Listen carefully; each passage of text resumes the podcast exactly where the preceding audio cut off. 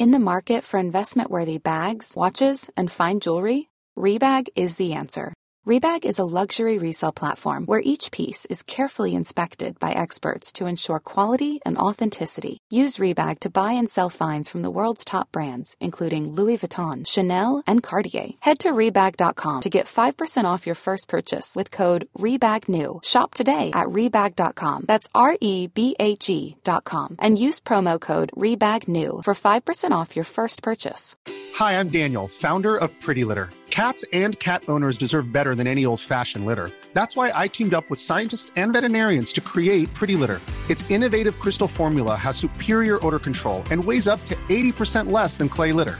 Pretty Litter even monitors health by changing colors to help detect early signs of potential illness. It's the world's smartest kitty litter. Go to prettylitter.com and use code ACAST for 20% off your first order and a free cat toy. Terms and conditions apply. See site for details. Even when we're on a budget, we still deserve nice things. Quince is a place to scoop up stunning high end goods for 50 to 80% less than similar brands. They have buttery soft cashmere sweaters starting at $50, luxurious Italian leather bags, and so much more. Plus, Quince only works with factories that use safe, ethical, and responsible manufacturing. Get the high-end goods you'll love without the high price tag with Quince. Go to quince.com slash style for free shipping and 365-day returns.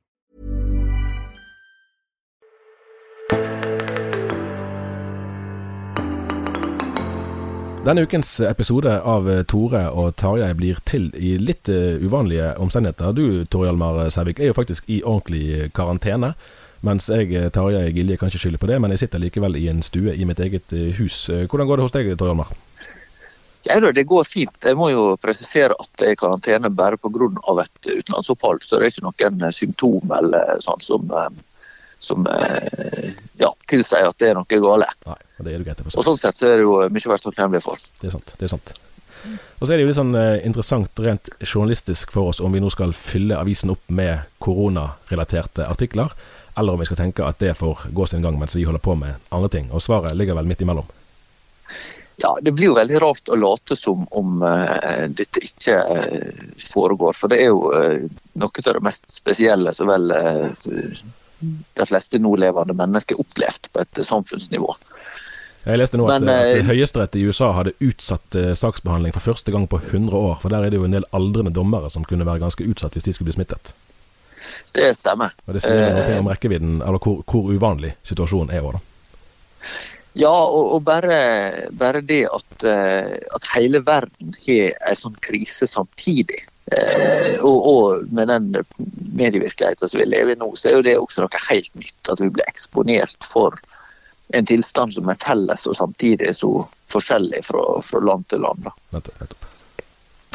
I morgendagens vis, altså dette vi spiller inn nå på onsdag, i morgendagens vis trykker vi et leserinnlegg eh, der skribenten påpeker sammenfallet mellom koronasmitten og, og, alle de føringene det legger på livene våre, og kirkens fastetid. Uten å tone ned alvoret for de som, som, direkte eller indirekte er berørt av smitten, så er det jo interessant at altså kirken klarer jo vanligvis ikke å få så mange av oss til å roes, roes ned i fastetiden, men nå gjør vi jo faktisk det. Sånn at på en måte så løper jo myndighetene Guds ærend.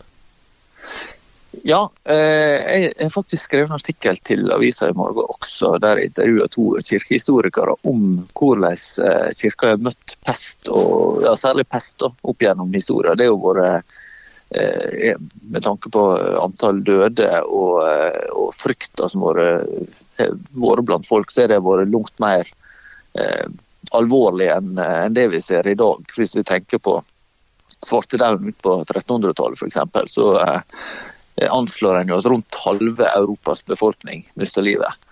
Og eh, i Nidaros, så var det sånn 20 år etterpå, så, så skrev erkebiskopen at eh, det var bare 30 av 400 prester i bispedømmet som eh, fortsatt var i live. Mm. Så eh, kristne har jo møtt veldig eh, dramatiske ting før oss. Jeg vet, det skriver Bjørn Are Davidsen i, i Skaperkraft og litt om i, i sin sitt kulturnotat, som, denne den spalten het i mange år, eh, i dagens aviser, om, om eh, hvordan Altså, pest og, og, epidemier har jo hatt eh, en langt større utbredelse enn vi vel nesten kan forestille oss, fordi vi er så vant med et velstandsnivå der sykdom i mindre grad gjør oss sårbare da, enn det mennesker har vært vant med, og kristne mennesker har vært vant med gjennom lange tider. Og Det gjør vel kanskje at, at veien til anfektelser kan være kortere for en del kristne i dag enn de var før, fordi vi har andre forventninger til, til velstand da, og helsemessig velstand òg i, i livet. Ja, altså det, Den opplevelsen av at livet er skjørt, er jo, har jo vært veldig påtrengende, ikke minst med tanke på dette her. Kristian eh, 4., som var konge i Danmark og Norge på tidlig 600-tall, innførte jo mange ekstra bots- og bededager. Eller, ja, eh, botsdager for at eh, nettopp han tenkte at det skulle avverge sånne katastrofer. Og eh, Martin Luther også på 1500-tallet var jo eh, utfordra av pest som kom til Wittenberg og mente det ikke var rett å flykte, for pesten kunne være et kors som eh, han måtte måtte bære. Da. Og Ifølge kona så mistet de ei av døtrene nettopp pga. pest. Mm. Så eh, det er ganske dramatiske perspektiv da, eh, i ei tid da det ikke fantes verken eh, helsevesen i den forma som vi kjenner det, og langt mindre Nav og velferdsordninger. Nettopp. Og så er Det jo interessant å se, det er jo ikke helt uvanlig det at når det inntreffer katastrofer og katastrofelignende situasjoner, så, så blir det òg et behov for en eller annen form for teologisk fortolkning av det, i hvert fall i religiøse miljøer. Og det ser vi vel nå òg. Sist gang kanskje var jo, var jo eh, i forbindelse med, med, denne siste boken om 22. juli. 22. juli-profetien ble det jo kalt, eh, med ganske spektakulære og, og, og ganske sånn kritikkverdige, må det være lov å si, eh, analyser av Guds rolle i, i det. Det er vel ikke så lang vei nødvendigvis til vi begynner å få se sånne scenarioer òg her. Og da har han som ansatte både deg og meg i dag, nemlig tidligere sjefredaktør Odd Sverre Hove, har jo en, en edruelig kronikk i dagens avis der han belyser Bibelens katastrofeteologi og advarer både mot å, å, gjøre sånne spesifikke koblinger mellom konkrete hendelser og om Gud skulle stå bak det, men på en annen side òg advarer mot en sånn tenkning om at kristne skulle gå fri fra plager på jorden, for det har faktisk Gud aldri lovet oss. Jeg kom over, eh, eller ble minnet om et eh, essay som jeg ikke kjente til, som C.S. Lewis eh, skrev i 1948. Det ble faktisk referert til det på podkasten til New York Times til og med nå nylig. og Det handler om å leve i atombomba sin tidsalder. Og Noe av det Louis var opptatt av der, at den minner oss egentlig bare om det som er selvsagt, nemlig at vi alle er dødelige. Og at det er ikke sånn at det, det egentlig endrer menneskets situasjon grunnleggende. At det er kommet nye trusler. For trusler har vært hele tida. Og, og, på mange måter vært større trusler tidligere, som vi har snakka om. Men eh, fra et kristent perspektiv så blir det desto viktigere å tenke hvordan lever vi eh, med det livet vi har fått, eh, og, og, eh, og hvordan skal vi forvalte det så lenge vi har det. Og hva, er egentlig meninga med det? Eh, hvis en tenker at det er eh, en ren tilfeldighet at vi er her, og at, og at, det ikke er noe mer enn det vi, vi kan se og ta opp, altså et naturalistisk syn på, på tilværelsen, så, så, er det jo blir jo måtte, hele meninga med livet utfordra veldig sterkt av kriser som, som, dette her. Men hvis en tenker at eh, Gud står bak og har en kontroll og en oversikt som vi ikke alltid kan forstå, eh, og ikke alltid har så lett for å, for å måtte akseptere heller, men, men at vi, vi, kan ha det som, et, eh, som en grunnleggende tillit. Og så, så blir det, ser livet helt annerledes ut. Nettopp. nettopp. Eh, det er interessant å se alle mulighetene som nå oppstår av digital art. Der, der, det, altså, mulighetene oppstår ikke nå, men de blir aktualisert nå på den måten at når når kirkene er tomme, så uh, tvinges man jo til å finne andre arenaer. Vi skal ha, faktisk ha bibelgruppe på FaceTime eller lignende i kveld uh, hjemme hos oss her.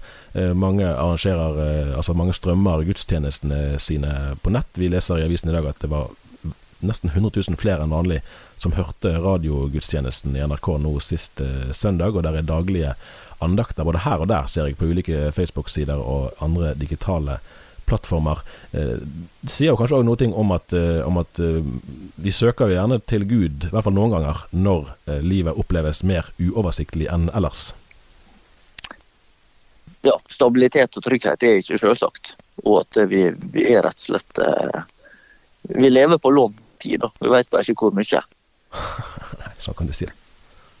akkurat. akkurat. Av andre saker som har uh, gått i avisen i det siste, så har det jo vært de siste vel månedene, tror jeg vi kan si, en ganske sånn engasjert debatt om Samemisjonen. Det er jo en av de organisasjonene som kanskje ikke så mange i dag har et forhold til, men som var en ganske svær aktør hvis vi går et par generasjoner tilbake i tid, de skulle hatt eh, rådsmøte, som er en sånn forløper til generalforsamlingen etter landsmøtet. Det skal være i juli i Alta.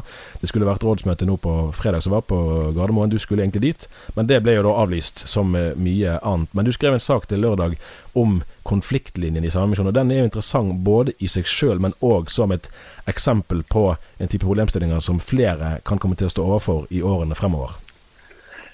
Ja, der er jo eh, eh, kanskje både illustrerende og samtidig litt uvanlig eksempel. For det er jo en organisasjon som har gått fra på 1950-tallet og har rundt 2500 foreninger over hele landet, til i dag å ha 19 eh, med ganske, ganske høy gjennomsnittsalder. Ja.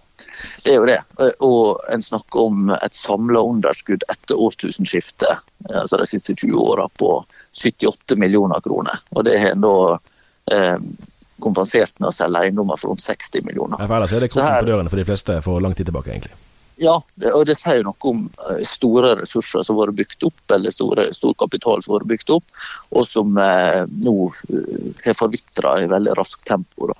Og Så kan en analysere dette på forskjellige nivåer, om, om eh, en tenker et samfunnsnivå og at sånne, sånne demokratisk oppbygde organisasjoner som Samemisjonen ble starta i 1888. Eh, og, og, som mange andre norske frivillige organisasjoner, både kristne og ikke-kristne, gjorde.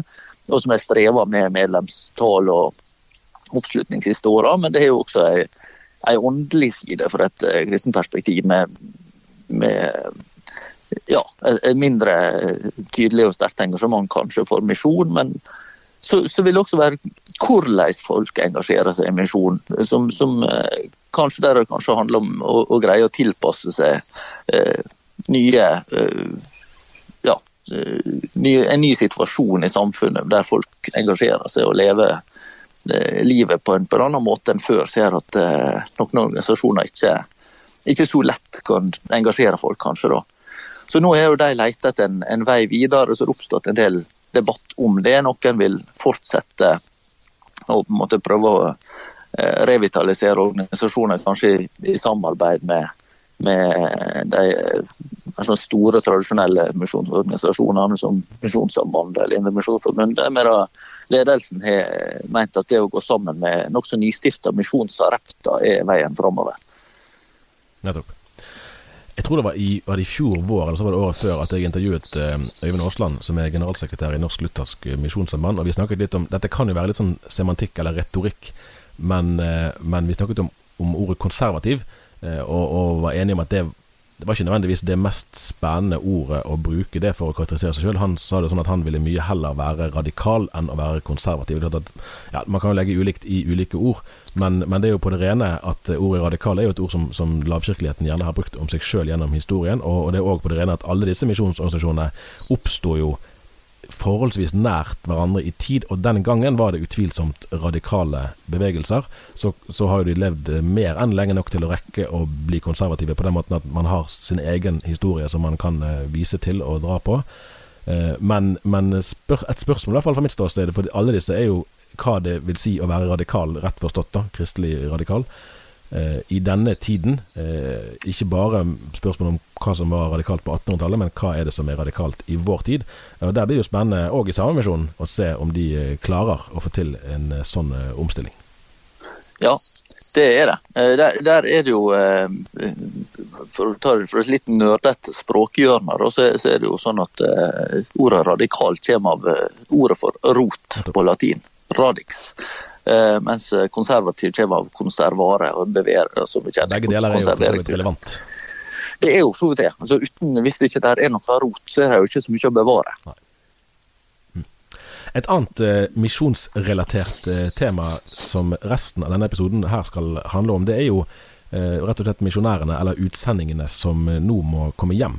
Der har jo organisasjonene valgt så langt en litt forskjellig tilnærming der Nordmisjon og eh, NMS eh, kaller hjem eh, alle sine utsendinger, mens Misjonssambandet og Ungdom i oppdrag foreløpig ikke har en sånn generell hjemsendelse, men gjør individuelle vurderinger fra sted til sted og ansatt til ansatt. Det samme Jeg skrev også om det nå denne veka. Der handler vel det litt om både hvor mange en har ute, og i hva land uh, folk befinner seg. Noen plasser kan det være et godt helsevesen som gjør at en ikke ser behov for å hente folk hjem igjen. For Utenriksdepartementet har jo sagt at nordmenn som bor permanent i utlandet, ikke nødvendigvis trenger å komme hjem igjen. Mm at de må vurdere det sjøl. Eh, med det andre plasser så kan de rett og slett bo så avsides til at det er ikke så lett å få det hjem igjen på, på eh, kort varsel, kanskje. Så, det så det er jo krevende avveininger. Så det er ikke bare bare å komme seg ut fra de landene man måtte befinne seg i? Nei. Der er jo også, eh, Nå kan dette endre seg fram til folk hører episoder, men jeg har jo skrevet sak om eh, en gruppe fra Fjellheim bibelskole i Tromsø som, eh, som sitter fast i Tunisia, i Tunisia, rett og slett. Eh, så de håper jo på å bli evakuert. Men all flytrafikk er stoppa eh, i landet. Sånn, så det er jo veldig spennende med, med hva som skjer. Men, men, det kan være ting løser seg før, før eh, folk hører det. Ja, kanskje, men så kommer det an på hvor lenge denne perioden varer. Sant? Hvis det er snakk om 14 dager, så er jo det én ting. Hvis det er snakk om flere måneder, så er jo det en ganske annen situasjon. Nettopp. Men da skal jeg faktisk om ganske få minutter ringe til Anne Birgitta Langmoen Kvelland, som er generalsekretær i Nordmisjon. Eh, vi Toralmar, vi høres eh, neste uke. Jeg tror det er litt knitring på linjen. Vi skal se om vi klarer å utbedre det til neste uke. Det er jo litt eh, provisoriske forhold her, og det er det jo neste uke òg. Så vi får se hva vi, hva vi får til. Så vi får snakkes, vi. Det gjør vi.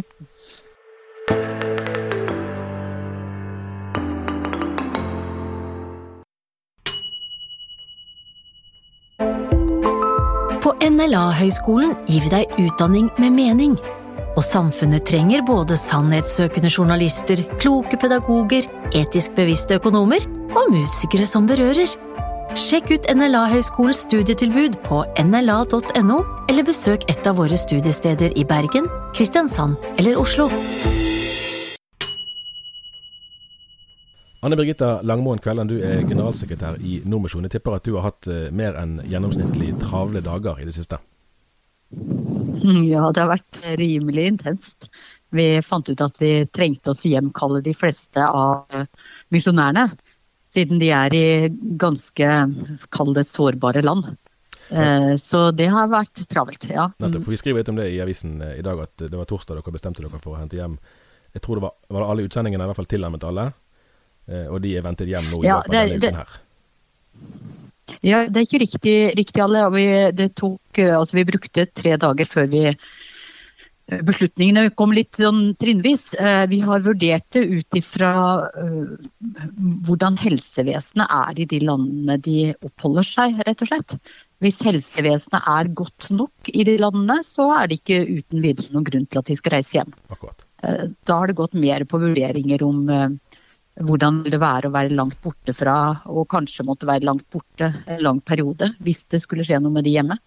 Ja, får forstå at Utenriksdepartementet sin anbefaling er at nordmenn som er permanent bosatt i utlandet, trenger ikke nødvendigvis å komme hjem.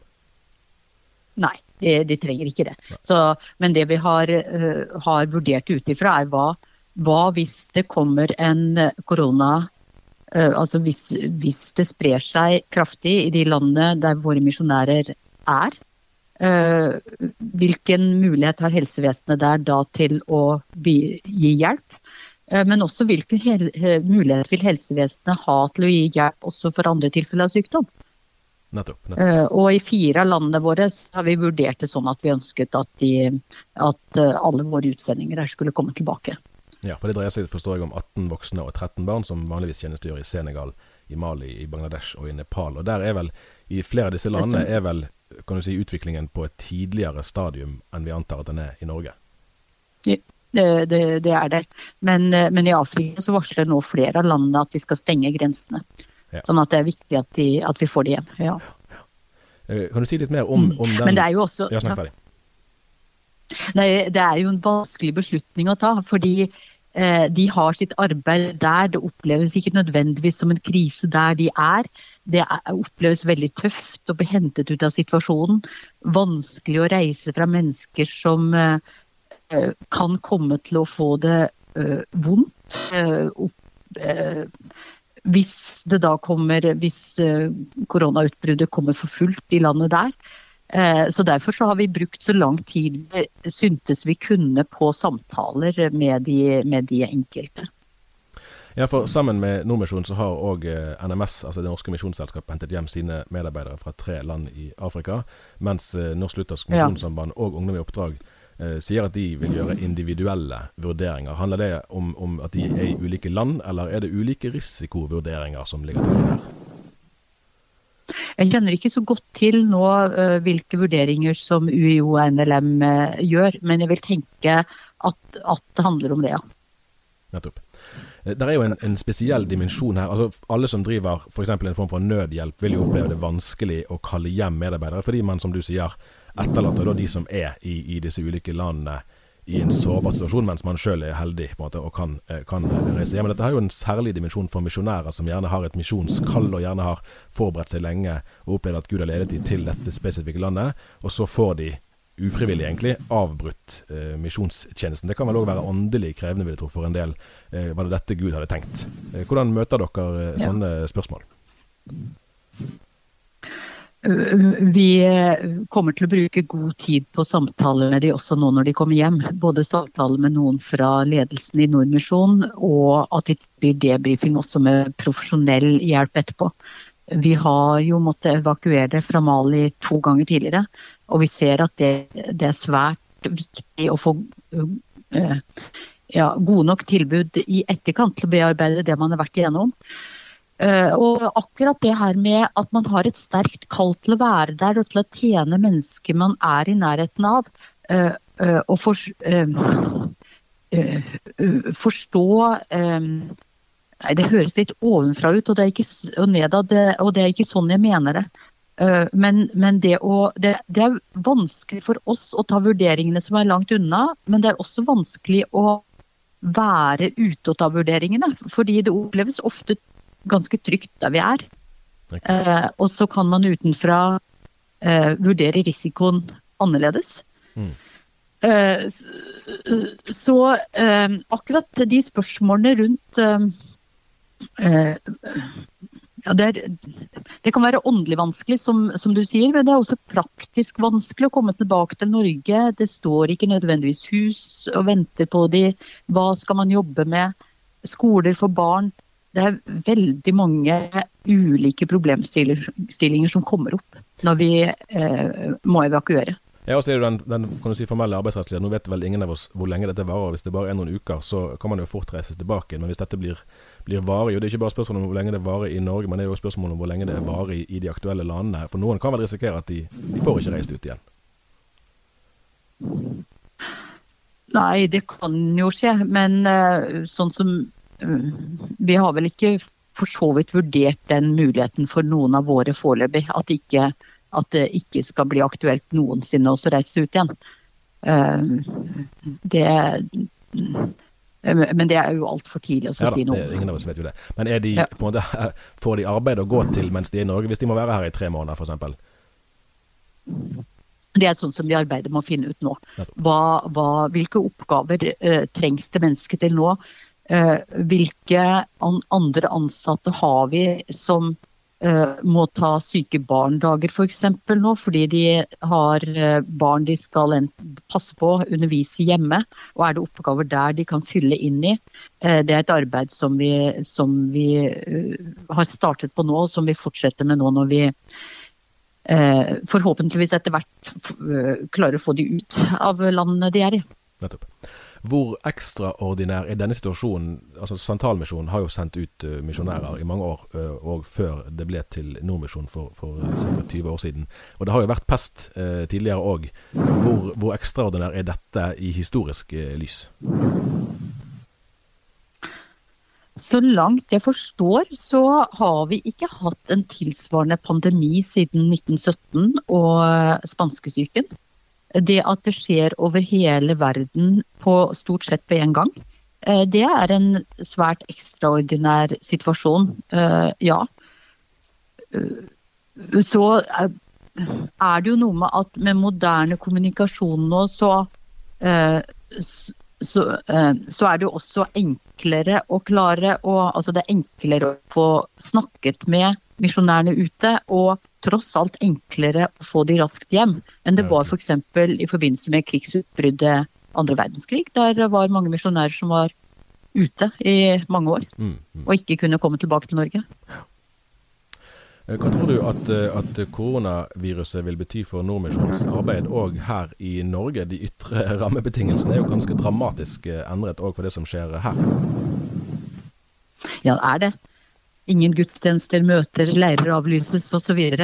Foreløpig så syns jeg nok at jeg ser veldig mye eh, god kreativitet. altså Akta som skal arrangere stuer eh, ja, stuebasar, var Ja, den, den, den, er, den, er, helt ny. Det blir, det blir morsomt. Eh, morsomt å være med på.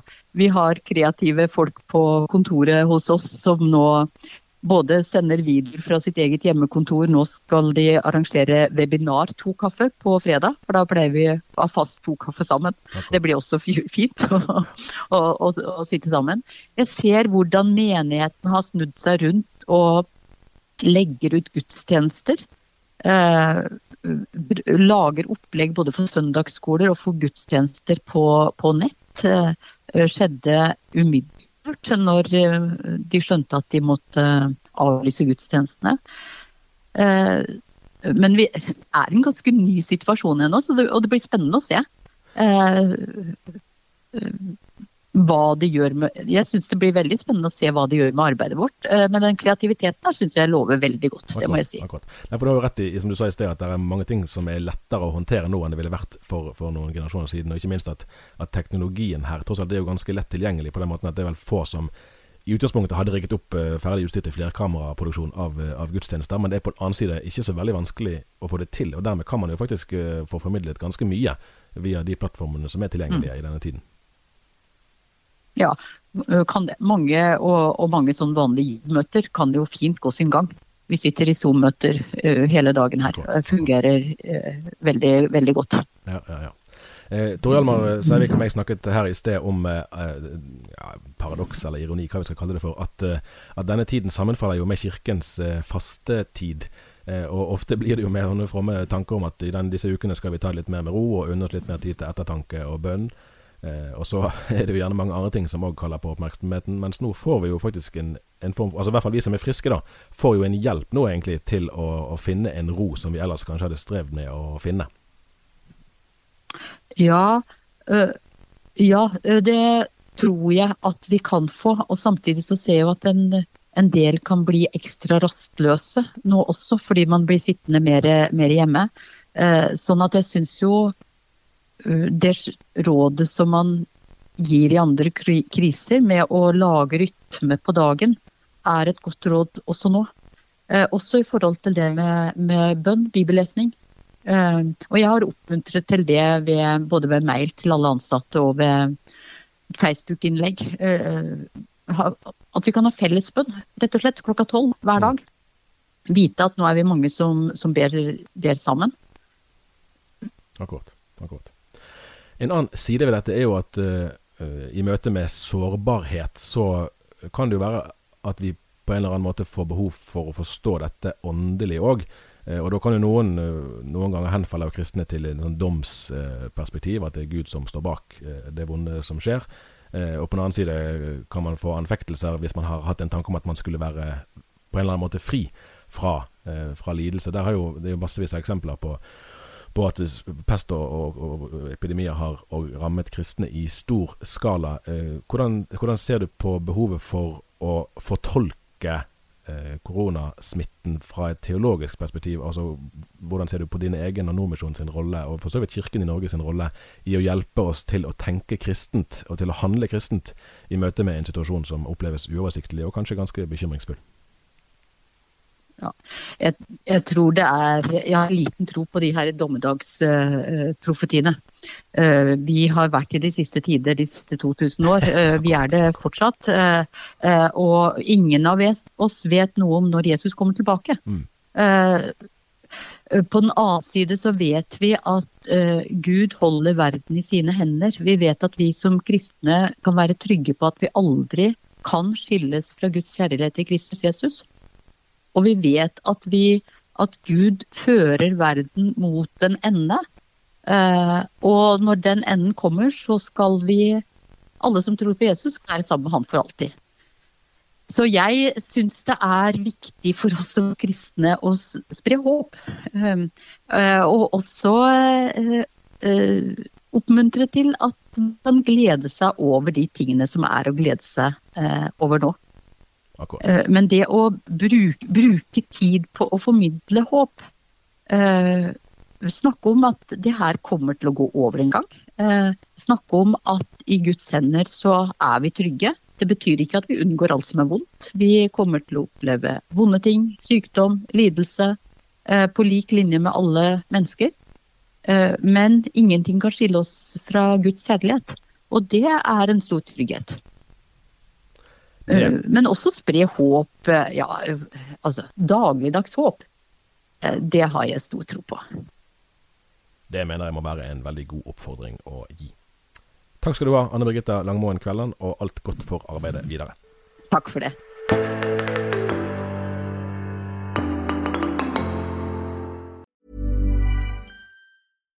Hi, I'm Daniel, founder of Pretty Litter. Cats and cat owners deserve better than any old-fashioned litter. That's why I teamed up with scientists and veterinarians to create Pretty Litter. Its innovative crystal formula has superior odor control and weighs up to 80% less than clay litter.